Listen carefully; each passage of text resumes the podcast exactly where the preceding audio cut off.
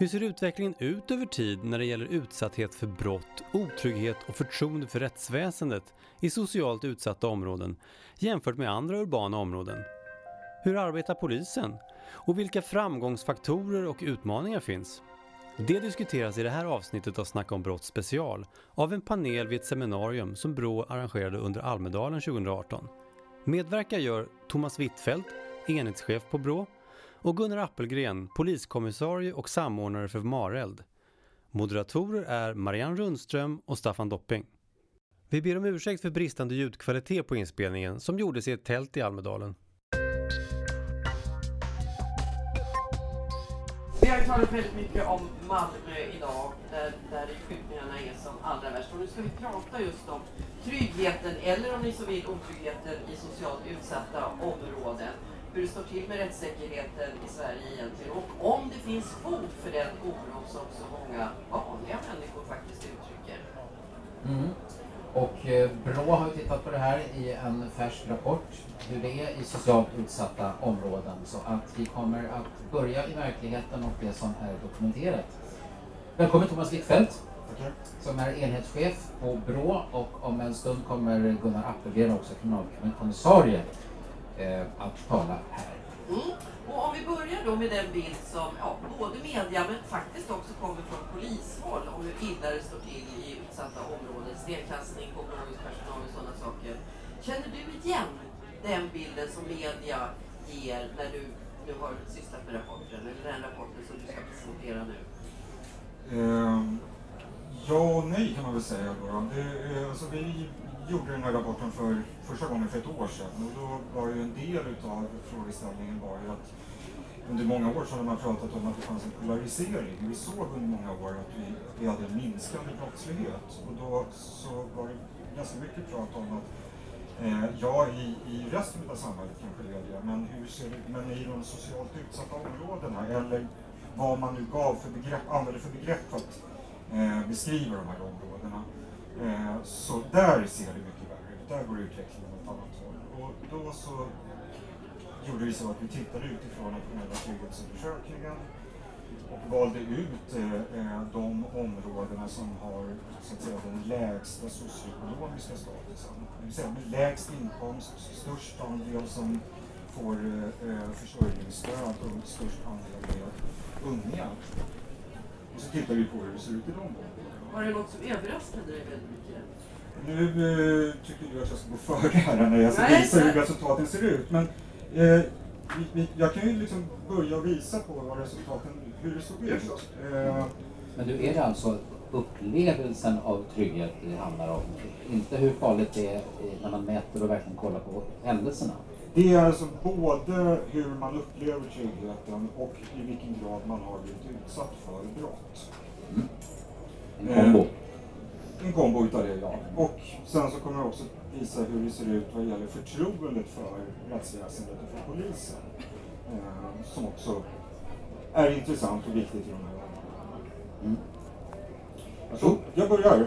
Eh, och nu ska jag visa de här då utifrån eh, min padda här, därför att vi fick inte igång min dator upp på skärmen här. Jag är lite ovan att visa bilder utifrån den här.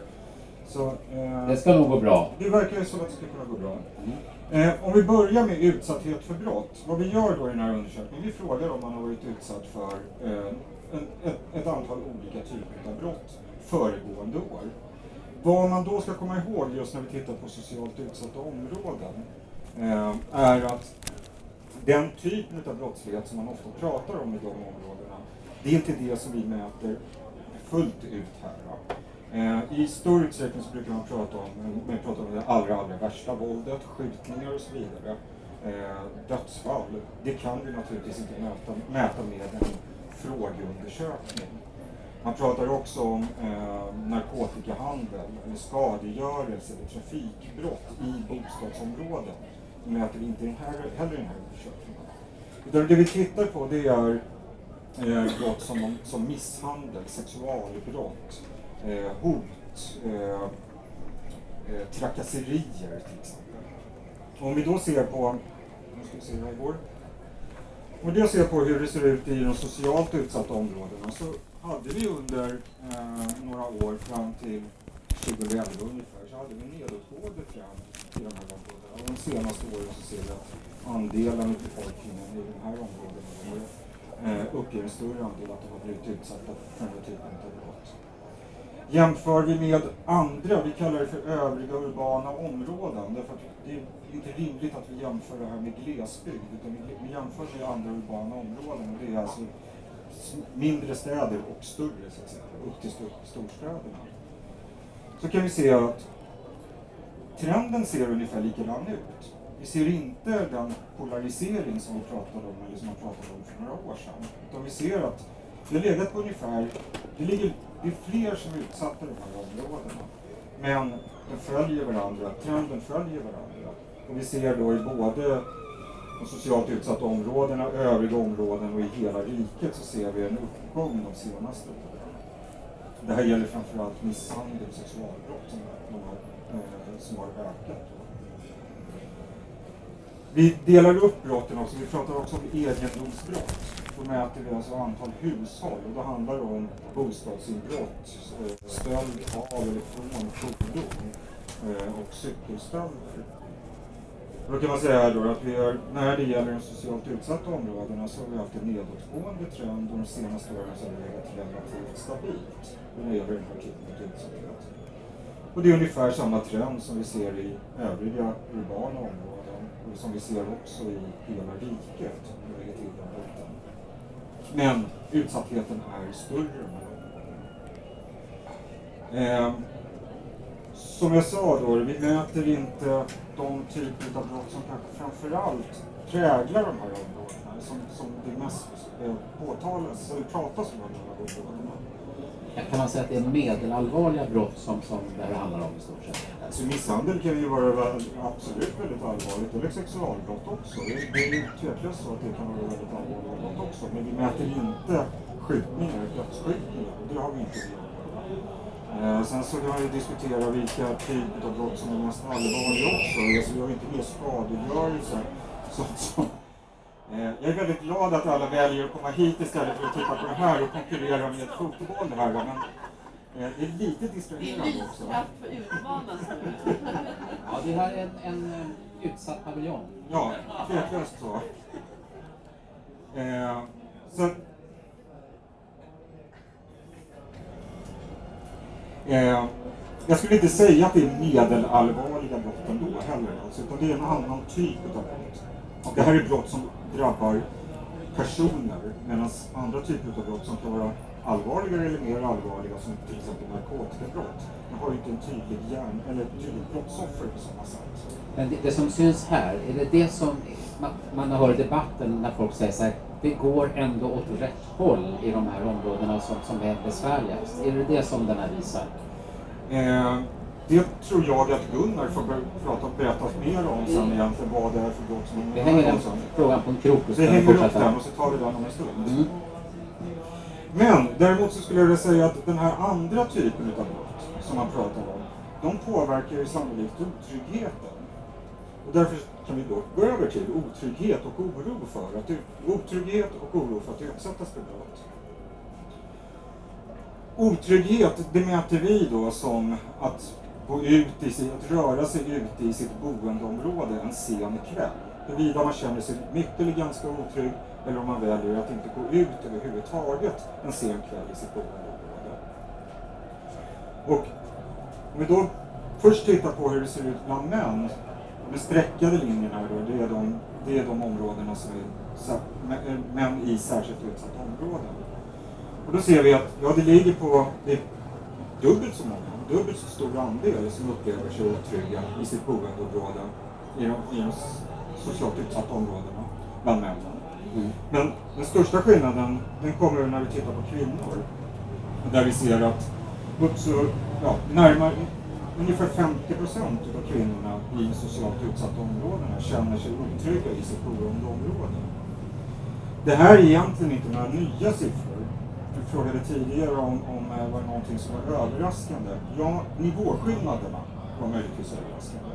Men det har legat på den här nivån under hela den här mätperioden som vi har haft. Det är inte så att det har hänt någonting nytt, utan kvinnor i de här områdena har under hela den här mätperioden legat på betydligt högre nivå än i resten av samhället. den stora skillnaden är ju om man tittar på män i, i övriga urbana områden och kvinnor i socialt utsatta områden som är oerhört stor skillnad.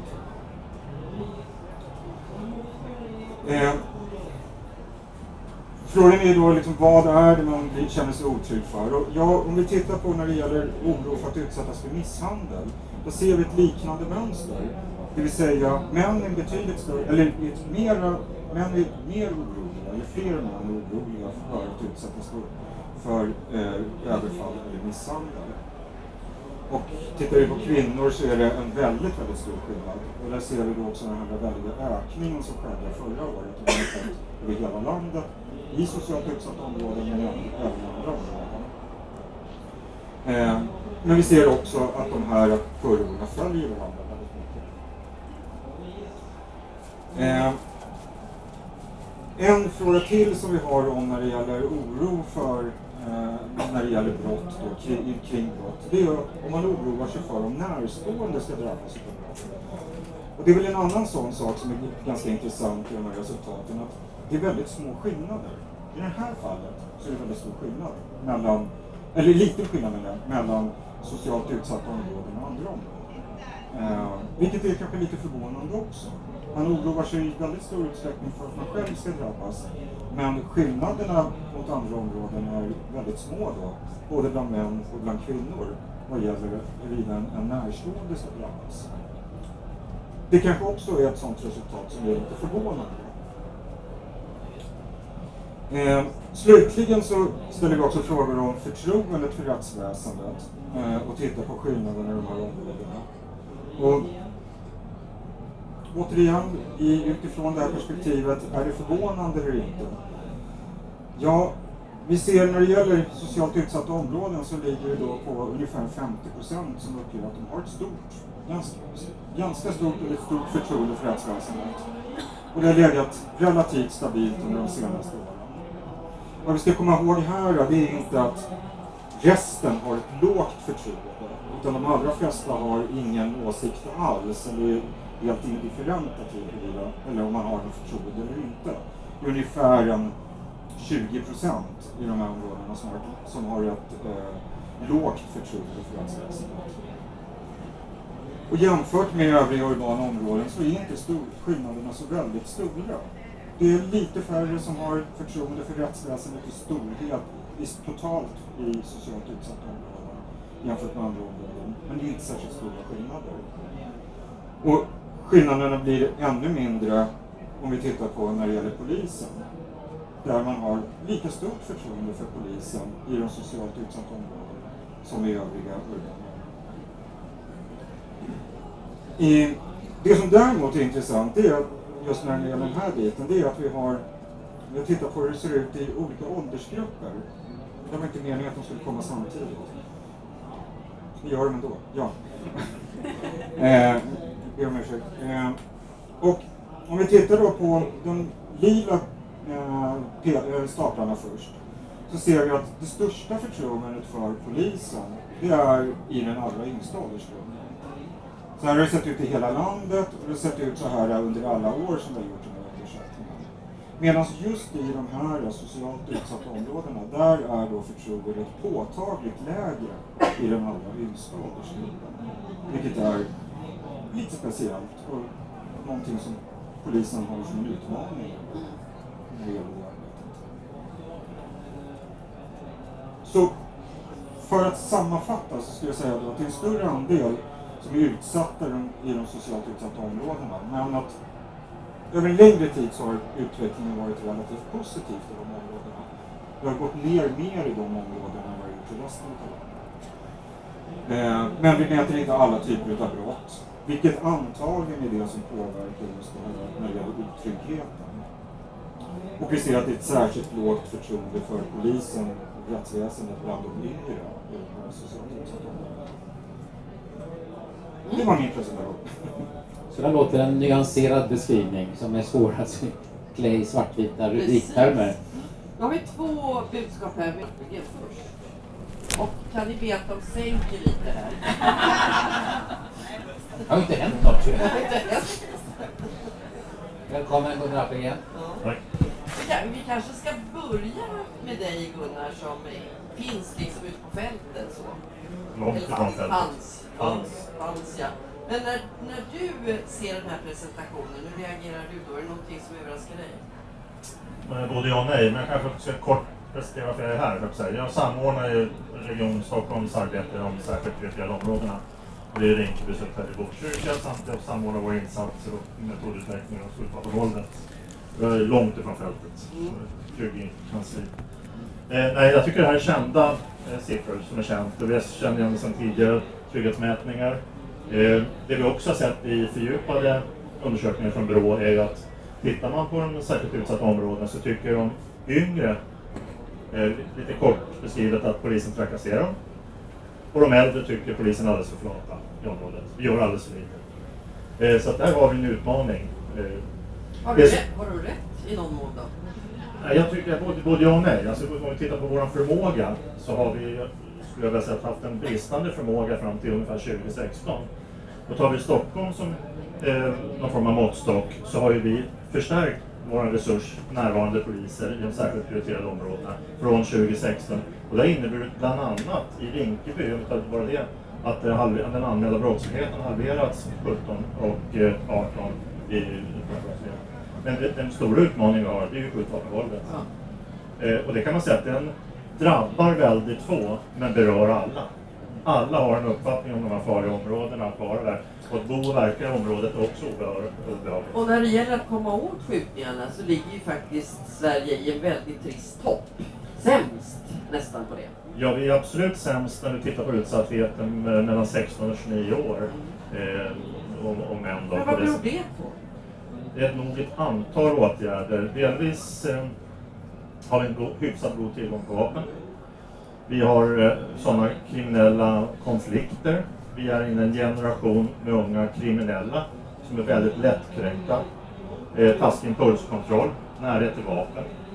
Vi har haft en dålig eh, under de sista åren, skulle jag säga, utifrån reform och sånt, har vi haft ett dåligt tryck i miljön från polisens sida. Att Den här närvaron, ligga på med hemliga tvångsmedel, vara närvarande, bygga upp relationer med synliga poliser och det lite grann. För det som inte tas upp så mycket tycker jag i den här undersökningen, det är att om man tittar på Brås egen fasmodell eller fasteori så är det ju den här signalbrottsligheten som är det som folk som bor verkar om att reagera på. Och tar vi bort skjutningarna som signalbrottslighet så är det busåkning med fordon, öppen droghandel, eh, ungdomsgäng som står och hänger och trakasserar. en- enklare och så. brott, Ja, helt men det enkelt. stör väldigt mycket eh, livskvaliteten i området. Men alltså då, alla de här skjutningarna, syns de på något sätt i... Inte den här typen av undersökning, utan den här typen av undersökning den ställer ju frågor till om man har blivit utsatt. Och just kan man ju säga då att den målgruppen som, eller de som är måltavlorna för de här skjutningarna i stor utsträckning, de deltar heller inte i en sån här typ av undersökning.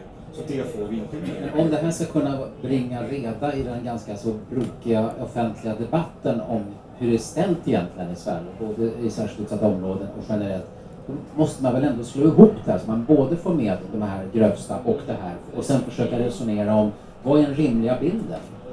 Ja, Vad, Gunnar, vad är din bild så att säga, av hur, vad är en, en, en realistisk och balanserad bild av hur det står till i, i, i ja, där brotten begås? Jag skulle kunna säga, att jag håller med, man kan säga att Sverige generellt sett har fått väsentligt bättre.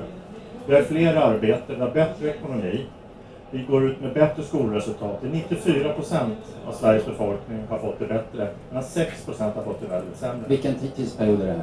Ja, om vi backar för de sista 20 åren med Ja. olika åtgärder. Men det är de här 6 procenten vi ser Det är här. 6 procenten som vi ser här som har fått det väsentligt och det finns ett antal förklaringar till det. Eh, migration, vi har ett antal politiska beslut som inte har varit bra för de 6 procenten. Fria skolvalet, fria vårdvalet har varit bra för det stora antalet men inte för de som bor här som flyttar ut sina barn när man har fått det lite bättre. Vi har ett antal projekt som förbättrar för individen men som gör att man gör sin resa utifrån. Det blir strukturellt bättre. Vi har eh, Vad, vad menar, vad var, jag förstod inte riktigt vad Nej, men var. vi säger att med, om, du, om du får något bättre, får arbete och lite bättre så, så lyckas du, så flyttar du din son eller dotter till en annan skola. Inte till en skola där man känner att man inte kommer lyckas. Man vill inte låta sina barn vara ett socialt experiment som någon uttrycker sig. Men i landet Sverige, som ska vara eh, ovanligt utjämnat, eh, in, ingen ska liksom hamna helt utanför, då räcker väl 6 procent, det vill säga ungefär 600 000 människor, för att det här ska vara en allvarlig brist som egentligen präglar känslan av hur det går för Sverige. Ja, och det är det vi säger också i den här skriften som vi tillsammans med Ingvar Nilsson tar från, Den goda tystnad. Det krävs att de 94 eh, procenten måste engagera sig för att de 6 procenten ska få det bättre. Och det krävs eh, mod i besluten, mod i åtgärder. För problemet är ju inte att du inte vet vad du ska göra. Det finns forskning, det finns kunskap om vad vi behöver. Om någon anledning så gör vi det inte tillsammans i någon form utan det är ett projekt och vi får inte till det. Vi gör inte Men vad vore en sån här rapport för bäring då? Jag tycker det här är en temperaturmätare. Ja. Förtroendet är jätteintressant, för tillit, vi måste förtjäna tillit. Vill du? Nej. Vi måste förtjäna tillit och förtroende. Det är liksom första steget på den här resan för social hållbar utveckling om 18 till 20 år. Ja, och det beskrev ju du som en av de största utmaningarna. Just att öka förtroendet bland den här gruppen unga utsatta i utsatta områden. Men hur ska det gå till? Det, det viktigaste när det gäller förtroendet är att bygga relationer. Eh, och det ligger i den här modellen, närvarande, synlig polis, man känner, men också att vi klarar vårt uppdrag att vara repressiva. Det är också med förtroende att göra. Det får inte vara så att vi har en uppklarningsprocent i vissa områden i Sverige på under 20 procent på morden. Eh, Medan med alla andra mord så har vi en uppklarningsprocent på 92 procent. Det, det, det är inte okej. Okay. Vi måste bli bättre. Det är också förtroende och det är många olika delar. Eh, men att vi klarar genomföra vårt uppdrag och bygga relationer. Sen är ju narkotikahandeln naturligtvis väldigt central. Det är början till en brottslig bana och den har ofta bäring på de grövre brotten också. Eh, har, har ni ökat era möjligheter att komma åt det under de här åren? Ja, ju mera poliser har ett område, desto mera an får antal anmälda narkotikabrott. För det Men flyttar de inte bara på sig? Ja, det, det gör de visst. visst. Kameraövervakningen som har gjort, har gjort att man får bort öppna drogscener, då flyttar man. Men det finns ju forskning från Malmö högskola som säger att narkotikabrottsligheten minskar om den tvingar att flytta på sig, så att det inte är lika stor effekt. Och sen gäller det att följa med, man kan liksom inte sluta, men narkotikabrottsligheten är det strategiska brottet för våra unga kriminella. Det är där man tjänar pengar. På. Också kanske där man kan sätta in förebyggande åtgärder allra effektivast. Ja, fast när man är involverad i narkotikabrottslighet, ska man göra någonting effektivt, då ska man göra det med barn inom 10-årsåldern. I dysfunktionella. Innan 10-årsåldern ska man in och stötta. När man går in och försöker åtgärder när barnen har blivit någonstans mellan 12 och 25 år, så är sannolikheten att lyckas minimal och kostnaden för att lyckas är väldigt stor. När man sen blir äldre och får lite andra värderingar så blir det typ avhopparverksamhet och lämnar det kriminella livet eller man träffar någon respektive eller sånt där. Att vi gör fel prioriteringar. Om vi då inser att, att de känsliga åren så att säga ligger några år innan de börjar verkligen slåss eh, och, och misshandla och sånt. Eh, då undrar man förstås, vad är rätt åtgärd för att rätta till det där? Om det just är tioåringar, då är det kanske inte fler poliser som, som det handlar om. Ett, ett tema på hela dagen har ju varit att, att hela samhället måste på något vis rusta sig tillsammans och polisen klarar inte sånt här ensam. Men frågan är, vem ska göra vad? Och alla de som inte är överhuvudtaget i närheten av de här särskilt utsatta områdena. Ska man åka dit på någon slags safari och tro att man är någon, någon Florence Nightingale? Alltså vad, vad är slutsatsen för, för de som vill hjälpa till? Ja, jag tycker att alltså frågeställningen, vad är rätt åtgärd, är helt fel ställd. Det som behöver göras är en massa åtgärder som är tillräckligt bra utifrån det lokala problemperspektivet. Eh, för ofta letar vi efter en single solution. Alltså vi söker inom polisen, vi söker inom politiken, vi söker... Det, det krävs ett hårt arbete i 18 till 20 år, men vi ska ta vårt ansvar. Och det, beror, det är helt olika saker som behöver göras i Botkyrka, Södertälje, som är Rinkeby, och säkert någon annan stad. Så att man måste våga släppa ut mandatet utifrån det lokala och hitta samverkansformer. Är det trögt? Det är jättetrögt. Varför det? Därför när det blir lite... Nu gjorde jag faktiskt mål. Det uppfattar jag som positivt. Sverige tar ledningen med 1-0 i åttondelsfinalen mot Schweiz. Rapporteras just nu. Svenska Dagbladet är överens med Expressen i den frågan. Min uppfattning är att ju större press det blir i samhället, desto mindre mod är det. Då vill man ha bättre kontroll. Då suger man upp saker centralt och regionalt och vill ha kontroll. Och då gör man precis eh, och får en kontraproduktiv effekt tror jag. Man måste våga släppa ut krafterna eh, ledning, samordning ute i det lokala och låta dem verka ut. Men jag tänker också på sådana här förändringar som, alltså du, du presenterar ju fakta här där, där i princip inget hade hänt, till exempel genusperspektivet där kvinnor som i betydligt högre utsträckning upplever otrygghet i de här områdena. Där verkar det ju inte ha hänt någonting, den kurvan var precis så här. Ja. Jo, nej, men alltså det är ju... Och det är tio år. Ja, exakt. Det är väl det som är, är kanske en, en typ av lärdom så att säga. Det, det här eh, det har sett ut så här länge. Och bryr man sig inte om att det ser ut så då? Eh, ja, om man bryr sig om, det är svårt för mig att säga. Vi har pekat, vi har lyft fram lyft upp de här siffrorna. Vi har lyft upp siffrorna att, att eh, eh, när det gäller otrygghet, att det är en väldigt stor skillnad mellan män och kvinnors otrygghet. Att det är en väldigt stor skillnad mellan män och kvinnors oro för att utsättas för våld. För eh, våld och våldsbrott, i synnerhet sexualbrott handlar det om. Eh, Vi har pekat på det under väldigt lång tid. Det är nu som man börjar prata om det här, i de senaste åren som man har börjat prata om trygghetsfrågor i väldigt stor utsträckning. Men bilden har ju egentligen inte förändrats, utan det är fokuset som har förändrats. Hur ser det ut en, en kväll i de här områdena? Syns kvinnor i gatubilden överhuvudtaget? Nej, väldigt lite skulle jag säga. Och det är också något som, för att de socioekonomiska förutsättningarna är detsamma för män och kvinnor i området. Du ser inte kvinnor som skjuter ihjäl varandra. Du ser inte kvinnor ute på samma sätt och säljer. Du ser inte kvinnor. Så att visst är det dels en patriarkal struktur, men det är också en machostruktur som ligger, som vi måste på något sätt hantera. Och en del av de här åtgärderna gör tillsammans med bland annat i Rinkeby och i Botkyrka, det är att få kontakt med morsor, morsor på stan, alltså att få dem aktiva i samverkansdelar och olika saker. Eh, en av siffrorna som Thomas hade, det här med att man var inte lika orolig för de närstående. Eh, vad, ni har säkert försökt att att tolka vad det möjligen kan stå för. Kan du ge en hypotes? Nej, jag kan inte göra det faktiskt. Jag tycker att det är förvånande. Jag tycker, alltså, det vi ser är ju att man generellt sett oroar sig i större utsträckning för närstående än vad man oroar sig för sig själv. Och det, är inte särskilt, det är i sig inte särskilt konstigt, men att vi inte då ser de här skillnaderna i de här områdena, det är den, tycker jag är märkligt. Jag förstår inte det. Men sättet som vi för ett offentligt samtal om eh, brottslighetsintegrationsfrågorna, kan det på något vis, själva samtalet alltså, påverka den upplevda otryggheten? Alltså, ja, ja och nej kan man ju tänka sig, skulle jag säga. Men å andra sidan så ser vi ju när vi tittar på hur det har sett ut tidigare år, när den här frågan inte har varit uppe på dagordningen i så stor utsträckning. Så just den här skillnaden mellan män och kvinnors otrygghet, dels i samhället totalt sett, men i synnerhet i de här, social, i de här socialt utsatta områdena. Det sett- såg likadant ut då. Det såg likadant ut för tio år sedan när det här inte var prio ett-frågan. Och om vi ses här om tio, ytterligare tio år? Ja, det beror på Vad vi gör under den tiden. Ja, men jag, jag känner att vi sakta men säkert tar ett steg åt rätt håll. Eh, Man ser ju viljan av att satsa resurser på andra saker än poliser. Man ropar väldigt mycket på polisen inför valet, som jag känner. Men det är andra som kommer att lösa problemet. Bland annat Ibrahim Baylans förslag med, med förstärkning med miljarder. Och det finns säkert andra politiska partier som har sin, men att man satsar och man inte gör projekt av det. Nej, men- Utan det är ut i linjen. Men handlar inte det också om hur de här resurserna fördelas mellan de utsatta områdena och andra urbana områden? Men det man behöver göra, man behöver inte satsa på vissa saker. Skolan måste man satsa på så att man har råd. Vi måste satsa på att ta hand om dysfunktionella familjer tidigt som jag sa. Vi måste satsa på att vi kan bli bättre i flera områden än prioriterade. För att som vi har prioriterat vissa områden i Stockholm så är det tillräckligt många där kanske just nu. Men det finns många andra områden där det inte är tillräckligt många. Så att vi behöver göra flera olika saker över lång tid och hålla i.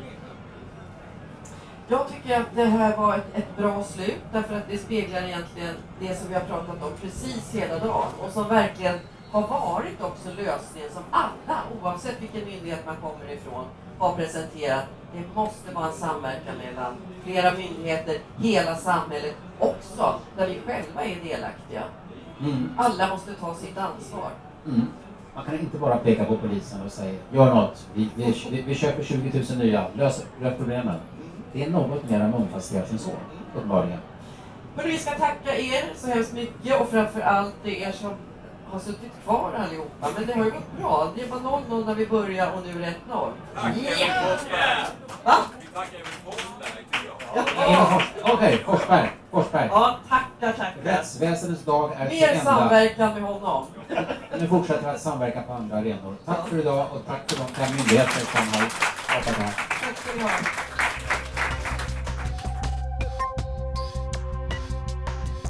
Du har hört Snacka om brott special från BRÅ om otrygghet i socialt utsatta områden. Från ett seminarium i Almedalen 2018. Medverkade gjorde Thomas Wittfeldt, enhetschef på BRÅ och Gunnar Appelgren, poliskommissarie och samordnare för Mareld. Moderatorer var Marianne Rundström och Staffan Dopping. Fler avsnitt hittar du i din poddapp och på BRÅs hemsida, bra.se. Tack för att du lyssnade!